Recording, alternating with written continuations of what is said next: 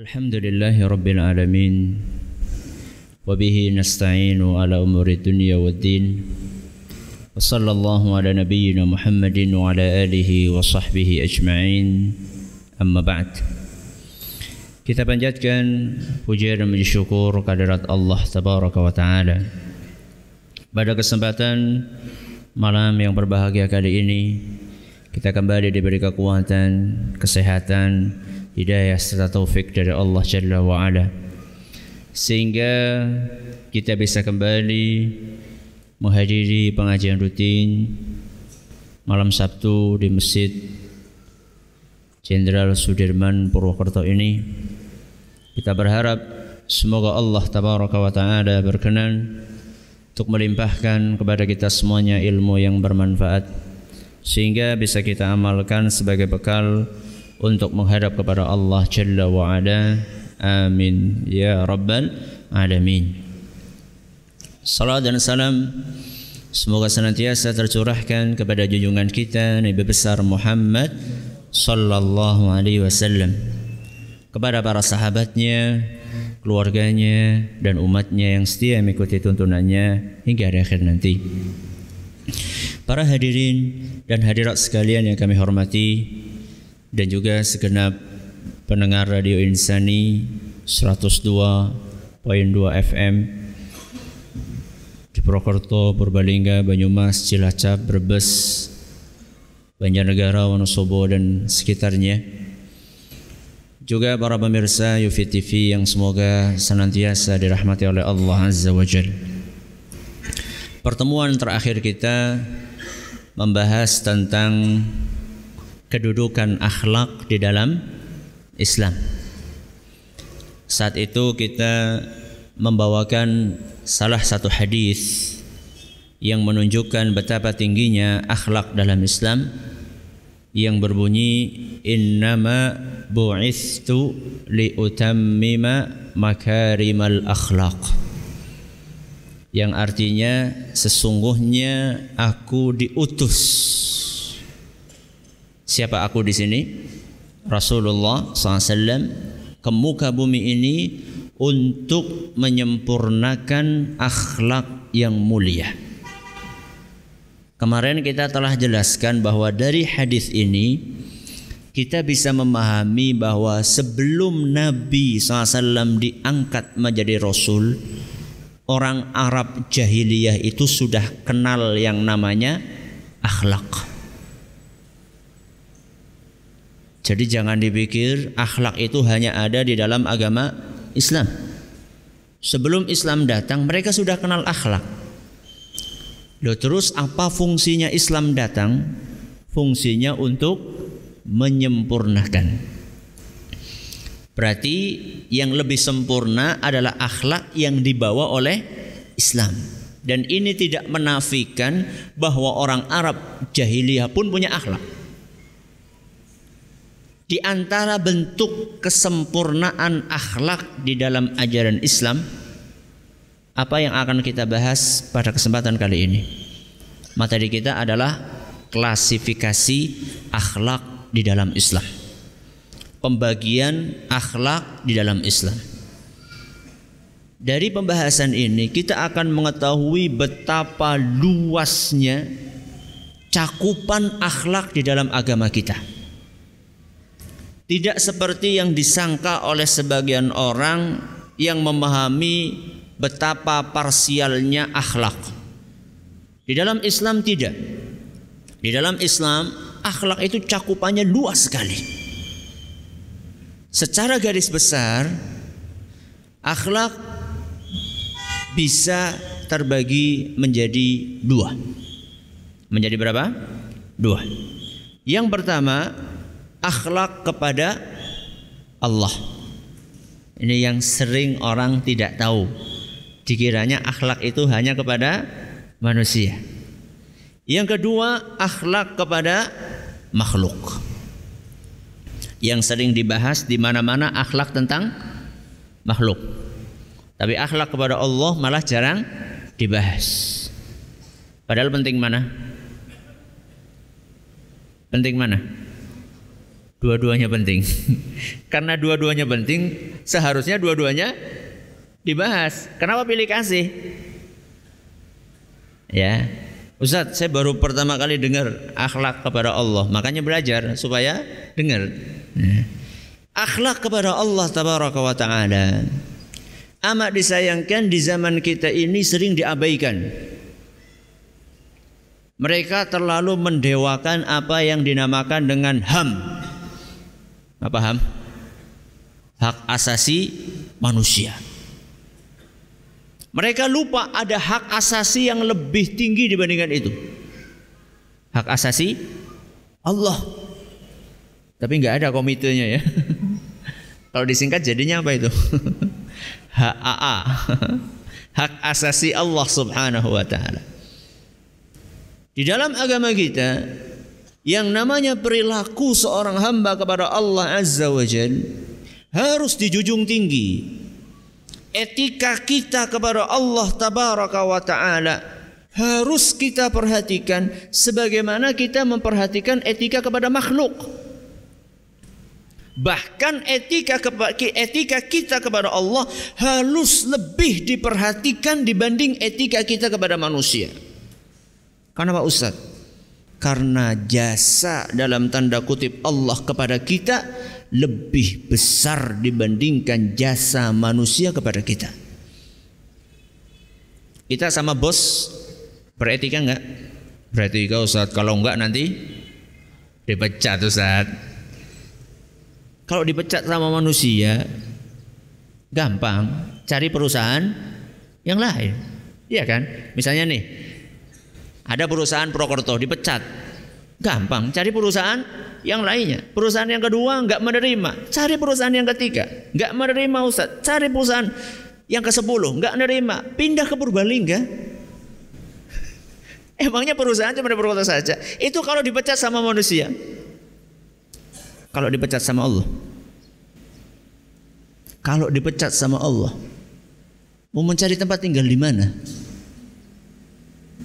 Seluruh bumi ini miliknya Allah. Ustadz mau pindah ke langit, ah langit juga punyaan Allah. Makanya amat disayangkan orang di zaman kita ini begitu memperhatikan akhlak kepada manusia tapi tidak memperhatikan akhlak kepada Allah. Apa itu Ustaz akhlak kepada Allah? yang paling penting akhlak kepada Allah adalah bagaimana kita mentauhidkan Allah. Apa artinya mentauhidkan Allah? Memurnikan seluruh ibadah hanya untuk Allah tabaraka wa taala.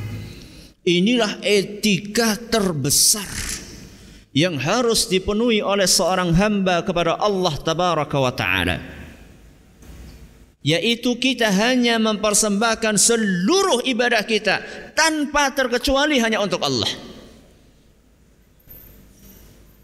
Di dalam doa iftitah kita kan sering kita mengucapkan inna salati terus wa nusuki wa mah ya ya wa mamati lillahi rabbil alamin inna salati sesungguhnya salatku Wanusuki.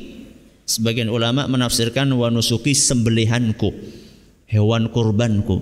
Wa mahyaya, hidupku, wa mamati, matiku. Untuk siapa? Lillahi rabbil alamin.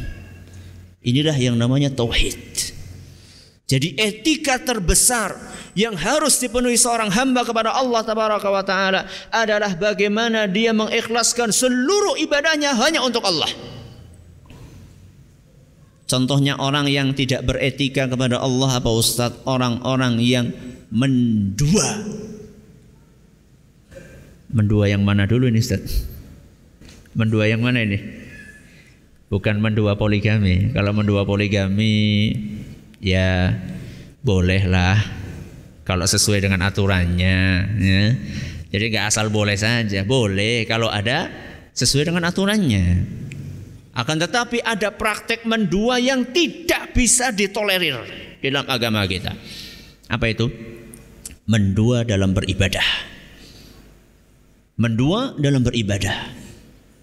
Menyembah Allah iya, tapi menyembah selain Allah juga iya. Itu namanya mendua dan ini tidak bisa ditolerir dalam agama kita. Karena orang yang seperti ini tidak beretika kepada Allah tabaraka wa taala. Allah yang memberi segala sesuatu kepada kita kok malah juga menyembah selain Allah. Itu gimana? Salatnya untuk Allah tapi saben malam Selasa Kliwon ya ora tau lat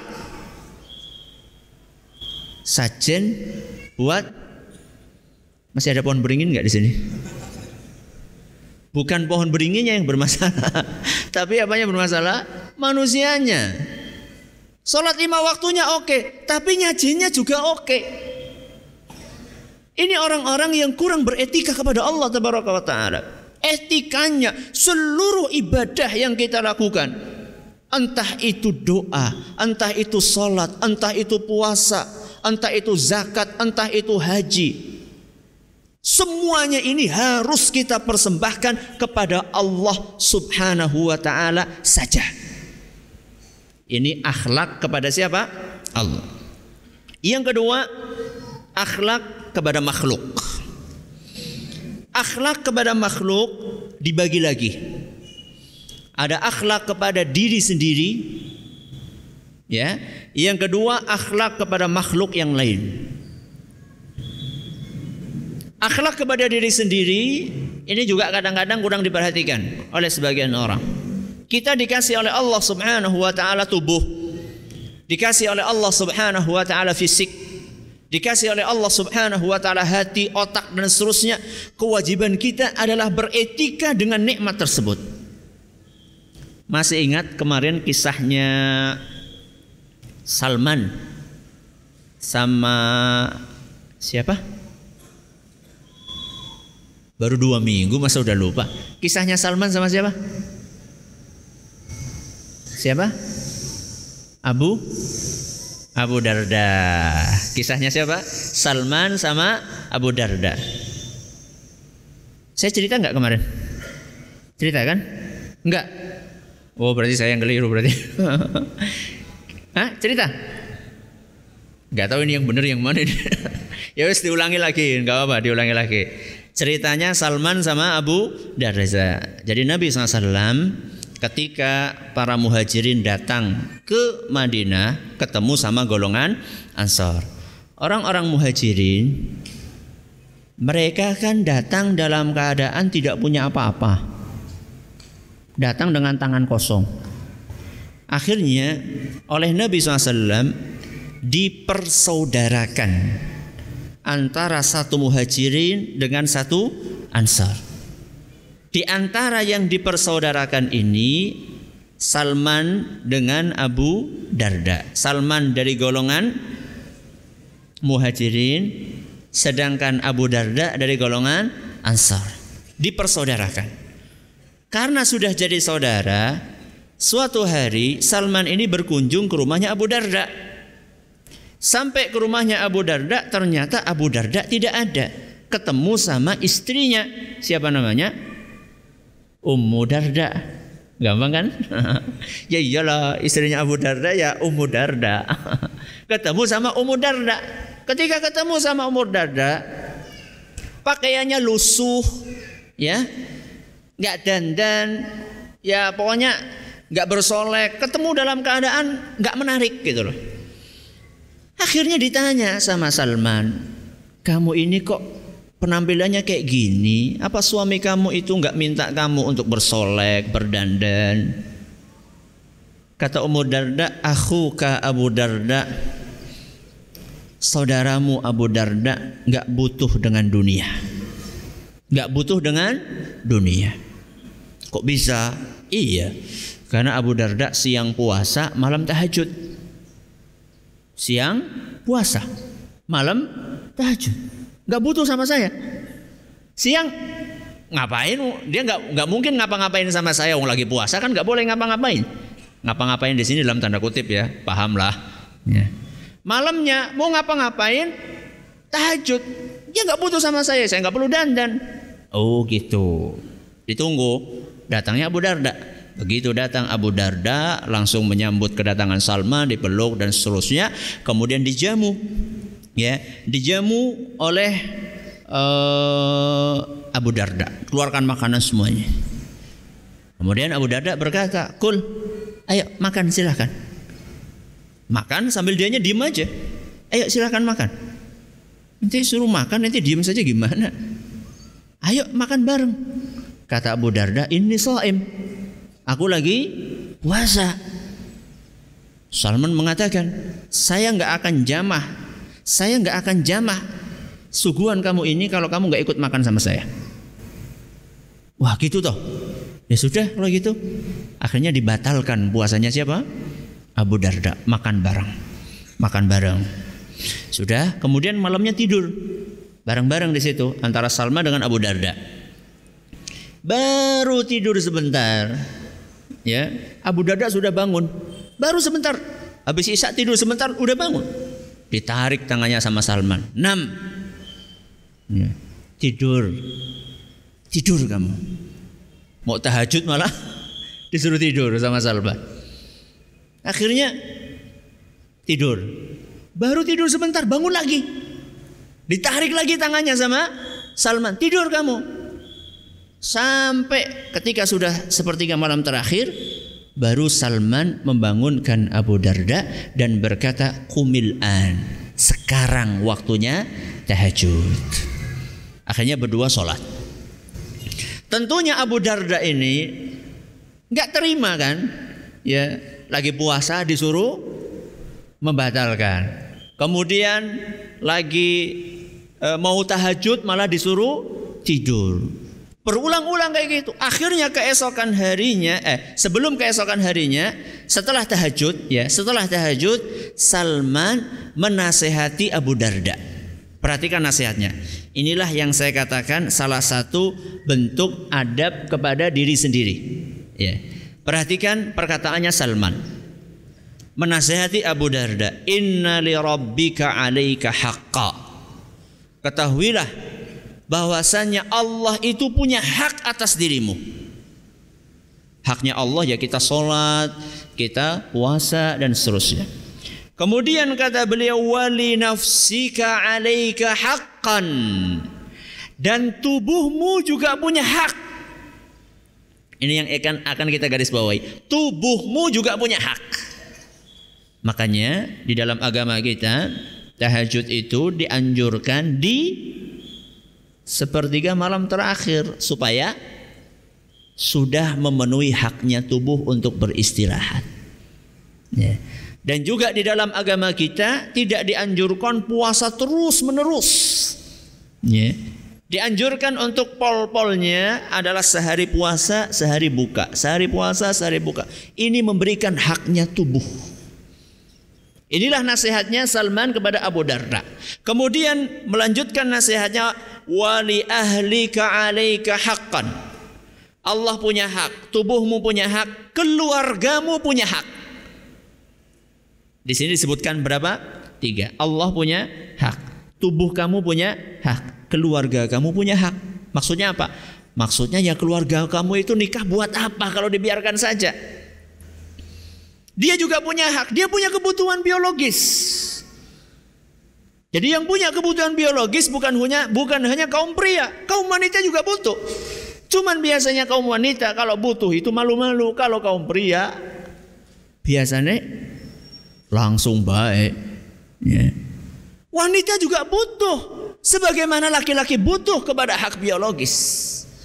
Kemudian Salman melanjutkan fa'ati kulli haqqin haqqah. Maka berilah masing-masing haknya. Allah diberi haknya, manusia diberi haknya, diri sendiri diberi haknya, istri kamu diberi haknya. Dinasehati kayak gitu oleh Salman kepada Abu Darda. Ternyata Abu Darda ini ya iya iya saja, akan tetapi beliau belum puas. Besoknya menemui Rasulullah Sallallahu Alaihi Wasallam kemudian menceritakan segala apa yang dilakukan oleh Salman mulai disuruh batalkan puasa kemudian disuruh untuk tidur ketika akan tahajud kemudian menyampaikan nasihat tentang hak-hak tersebut bagaimana wahai Rasul Apa kata Nabi SAW? Sodako Salman. Salman sing bener.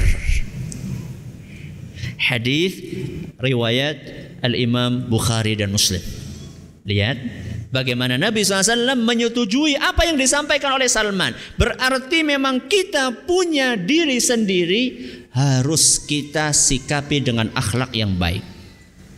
Ini adalah adab kepada makhluk dibagi menjadi dua, diri sendiri dan makhluk lain. Makhluk lain di sini maksudnya adalah selain diri kita. Kemudian makhluk yang lain ini akan terbagi lagi secara garis besar menjadi dua.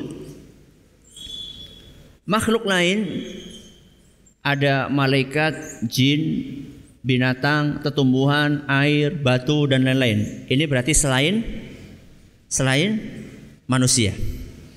Yang kedua adalah manusia.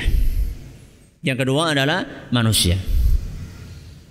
Jadi kalau jenengan mau gambar bagian kayak gini aja. Jadi biar gampang untuk pembagiannya. Jadi setelah dibagi, jadi ada makhluk itu dibagi menjadi dua, ada diri sendiri dan ada makhluk lain. Kemudian makhluk lain dibagi lagi menjadi dua, ada selain manusia dan manusia. Selain manusia banyak, di antaranya malaikat, di antaranya malaikat. Apakah kita diajarkan untuk beradab dengan malaikat? Jawabannya iya. Karena malaikat adalah makhluk yang sangat mulia. Ustaz gimana Ustaz kita adabnya sama malaikat? Ada sebuah hadis yang diriwayatkan oleh Imam Muslim menggambarkan kepada kita bagaimana seharusnya kita beretika sama malaikat. Kata Nabi sallallahu alaihi wasallam, "Man akala min hadhil baqlati athum." Barang siapa yang habis makan bawang putih Barang siapa yang habis makan bawang putih. Waqala marratan di lain kesempatan beliau sallallahu alaihi wasallam bersabda, "Man akala al-basala wath-thuma wal kurras." Barang siapa yang habis makan bawang merah, bawang putih dan daun bawang. Apa daun bawang? Muncang apa seledri? Muncang. Nah, barang siapa yang habis makan bawang merah, bawang putih, muncang. Apa kata Nabi SAW? Fala yaqrabanna masjidana. Jangan dekat-dekat ke masjid. Enggak boleh apa? Ke masjid. Siapa tadi yang barusan makan bawang? Ustaz, perasaan enggak bau Ustaz, lebih bau jengkol. Kok jengkol enggak disebut sama Nabi? Kayaknya nggak ada jengkol di sana. Iya, saya belum pernah nemu jengkol produk Saudi. kalau impor dari Indonesia mungkin ada jamaah haji biasanya bawa jengkol itu. Itu mungkin kalau ketemu sama jengkol itu mungkin mereka sudah kelenger itu. Mereka aja bau bawang, brambang. Tentunya kalau sudah dimasak nggak terlalu bau ya. Tapi kalau oh, mentahan, itu nun sewu ada sebagian etnis ya, ada sebagian etnis itu menjadikan makan bawang merah itu seperti makan kacang. Kletus kletus kletus astagfirullah itu naudzubillah itu. Kalau sudah Allahu akbar. Ambu dewe naudzubillah min dzalik. Ya. Kata Nabi SAW, barang siapa yang habis makan barang-barang ini, apa tadi? Makhluk-makhluk namanya bawang merah, bawang putih, uh, apa tadi? Muncang dan yang serupa. Ya, dan yang serupa, jengkol, pete dan teman-temannya. Janganlah mendekati masjid ini. Kenapa? Lihat Nabi SAW mengatakan apa? Fa innal malaikata tata'azza mimma yata'azza minhu banu Adam. Karena malaikat merasa terganggu dengan sesuatu yang mengganggu Bani Adam. Jadi kalau orang makan bawang pergi ke masjid ganggu siapa? Ganggu malaikat. Sebelum mengganggu manusia. Berarti kesimpulannya etika kepada malaikat tidak boleh ganggu malaikat. Di antara bentuk ganggu malaikat adalah mengeluarkan bau-bau yang tidak sedap. Segala macam bau yang tidak sedap mengganggu malaikat. Selama itu mengganggu manusia, maka mengganggu malaikat. Apa bau yang tidak sedap yang lainnya? Kaos kaki yang bau, kalau yang enggak ya enggak. Ya. Apalagi daun sewu, uh, ketiak, ya, yang enggak mandi maksudnya. Kemudian rokok, ganggu enggak itu? Ganggu enggak? Ganggu. Ya, makanya kalau kita ada orang rokok di samping kita, kita kan kayak gini-gini. Tapi yang samping nggak paham. Ya, yang samping nggak paham. Padahal kita sudah gini-gini nggak paham-paham juga. Itu mengganggu itu. Dan itu termasuk mengganggu malaikat. Kok wani yang ganggu malaikat ya? Diselentik baru tahu nanti. Ya, ini etika dengan makhluk selain Allah adalah malaikat. Terus ada jin, Ustadz. Masa jin kita beretika sama jin? Oh ada etikanya. Diceritakan dalam sebuah hadis yang diriwayatkan oleh Imam Muslim ada seorang tabi'in yang bernama Al-Qamah bertanya kepada sahabat Nabi yang namanya Ibnu Mas'ud. Kata Al-Qamah, "Wahai Ibnu Mas'ud, apakah engkau beserta Nabi sallallahu alaihi wasallam di malam jin? Lailatul jin? Apa itu malam jin?" Ini kisah ini, kisah. Jadi apakah engkau saat itu bersama Nabi SAW di malam jin? Kata Ibnu Mas'ud, nggak ada di antara kami yang beserta Nabi malam itu. Hanya saja kami pada malam itu kehilangan Nabi Shallallahu Alaihi Wasallam. Kami cari di lembah, kami cari di padang pasir, nggak ketemu Nabi SAW. Sampai-sampai kami kira Nabi ini diculik atau dibunuh atau dibawa oleh jin. Akhirnya malam itu kami tidur dalam keadaan gelisah, sedih, kehilangan Nabi SAW. Ketika kami bangun pagi-pagi, tahu-tahu Nabi SAW datang. Tek, tek, tek, tek, tek. Maka langsung para sahabat pada senang mereka lapor wahai Rasul, gimana kamu dari mana semalam? Nabi Shallallahu Alaihi Wasallam mengatakan atani da'il jin. Tadi malam saya didatangi sama dainya jin. Nah, ustadznya jin. Tadi malam saya didatangi sama dainya jin. Fadhahabtu ma'ahu faqara'tu alaihimul Qur'an. Maka aku pun pergi bersama dainya jin itu untuk mendakwahi para jin. Saya bacakan Al-Quran kepada mereka. Maka Nabi SAW mengajak kami. Fantalaqa bina fa'arana atharahum. Maka Nabi Shallallahu Alaihi Wasallam mengajak kami para sahabat ke tempat beliau ngisi pengajian di hadapan siapa? Para jin. Kemudian Nabi SAW memperlihatkan bekas-bekasnya wa. Di situ kelihatan api-api ya tempat mereka duduk kelihatan pada kebakar-bakar gitu loh. Maksudnya ya mereka emang terbuat dari itu gitu loh. Jadi pada uh, kelihatan ada bekas-bekas bakaran-bakaran. Di sinilah mereka saya isi pengajian. Wasa'aluhu azzada faqala. Ketika selesai pengajian, para jin itu minta bekal, minta sangu kepada Nabi SAW. Maka Nabi SAW bersabda, Lakum kullu azmin dhukira smullahi alaihi yaqa'u fi aidikum au farama yakunu lahma. Saya akan kasih kalian sebuah bekal. Setiap tulang sisa makannya Bani Adam yang sebelum makan dia baca bismillah maka di tangan kalian tulang itu akan penuh lagi dengan daging. Paham? Jadi kalau kita makan apa? Uh, ya nggak tahu kalau sampai tulang-tulangnya dimakan juga. Kebangetan. Melasi jine. Jadi makan, sisa tulang kita baca bismillah. Nanti di tangan jin akan penuh dengan daging lagi. Loh terus kalau itu buat kami, wahai Rasul. Lah buat hewan-hewan tunggangan kami, wahai Rasul. Apa makanan mereka? Nabi SAW mengatakan wa kullu ba'ratin alafun lidawabikum.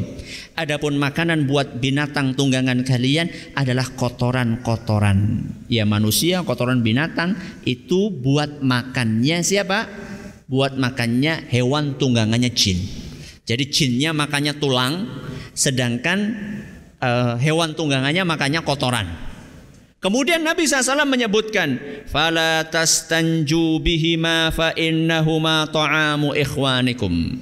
Lihat etika yang diajarkan sama Rasul maka jangan sekali-kali kalian beristinja.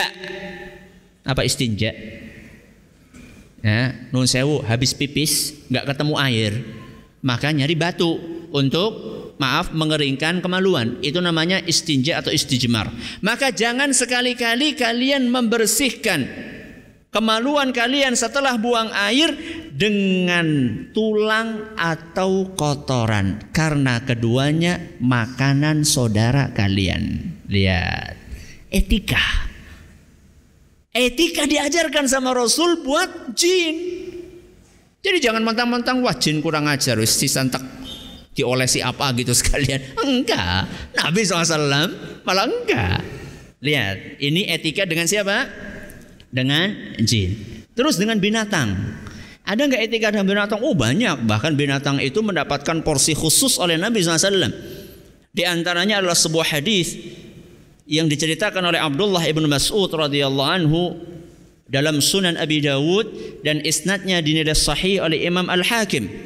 Diceritakan oleh Ibnu Mas'ud bahwasanya pada suatu hari para sahabat bepergian dengan Rasul sallallahu alaihi wasallam.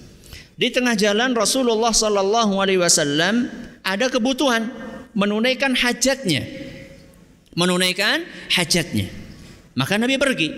Ketika Nabi SAW sedang pergi, ada di antara para sahabat yang melihat sarang, ya susuh manuk. Di situ ada anak-anak burung, piyik ya, ada anak-anak burung. Mereka iseng, diambil itu anak-anaknya. Berapa saat kemudian datang induknya mengepak-epakan sayapnya. Kehilangan mencari anaknya. Ketika induk itu sedang mengepak-epakan sayapnya, Nabi SAW datang.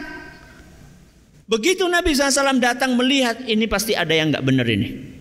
Pasti ada yang nggak benar, nggak mungkin burung induk burung ini gelisah kalau nggak ada apa-apa. Maka Nabi SAW melihat, oh ternyata sarangnya kosong. Nah ini berarti ada yang iseng. Maka Nabi SAW langsung berkata, Man faja'a hadhihi biwaladiha. Siapa di antara kalian yang menyakiti induk burung ini? Ruddu waladaha ilaiha. Kembalikan anak burung ini di sarangnya. Lihat, etika. Etika kepada binatang. Kemudian setelah itu, berapa kemudian, berapa saat kemudian Nabi lihat ada bakar-bakaran. Ada bakar-bakaran. Kemudian Nabi SAW bertanya, apa ini? Ini wahai Rasul ada sarang semut kami bakar. Nah, ada sarang semut kami bakar. Langsung Nabi SAW menegur mereka, Innahu la yambaghi an yu'adziba bin nari illa rabbun nar. Ketahuilah bahwasanya tidak boleh menyiksa dengan api kecuali pencipta api. Siapa? Allah. Lihat, Nabi SAW mengajarkan etika kepada binatang. Satu-satunya yang berhak untuk menyiksa dengan api adalah Allah yang menciptakan api. Kalau manusia nggak boleh. Dari sini kita mengetahui kan video yang tersebar di YouTube apa? ISIS bakar-bakar, bakar-bakar, bukan sate, bakar-bakar yang bawa pesawat apa namanya? Pilot. Bakar-bakar konon bakar-bakar pilot yang ketangkap sama mereka dimasukkan dalam kerangkeng kemudian dibakar jadi tontonan itu nggak sesuai dengan ajaran Islam. Semut saja nggak boleh dibakar, apalagi manusia. Ya, yeah. apalagi manusia. Makanya ketika kita mempelajari hadis-hadis Nabi SAW, kita akan mudah dengan izin Allah menilai ya apa yang kita lihat fenomena di sekitar kita saat ini. Hanya orang-orang yang minim ilmulah yang akan terjerumus kepada penyimpangan-penyimpangan tersebut. Makanya kunci kunci utama setelah taufik dari Allah untuk selamat dari aliran-aliran dan gerakan-gerakan yang menyimpang adalah berilmu.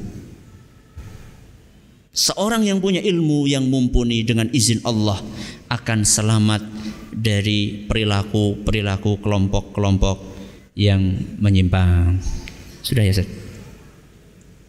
Sudah. Uh, terima kasih atas perhatiannya. Kita cukup sampai di sini. Ini masih masih bersambung ya. Jadi kita baru sampai mana? Baru sampai binatang. Nanti manusia ini ya, ini masih banyak ini. Ya, ini masih banyak lagi insya Allah dengan izin Allah Azza wa Jal. Jadi insya Allah materinya masih panjang. Materinya masih panjang. Entah dua atau tiga pertemuan lagi. Semoga bermanfaat. Wallahu taala a'la wa. Kita tutup dengan membaca subhanakallahumma wa bihamdika asyhadu an la ilaha illa anta astaghfiruka wa atubu ilaik. Assalamualaikum warahmatullahi wabarakatuh.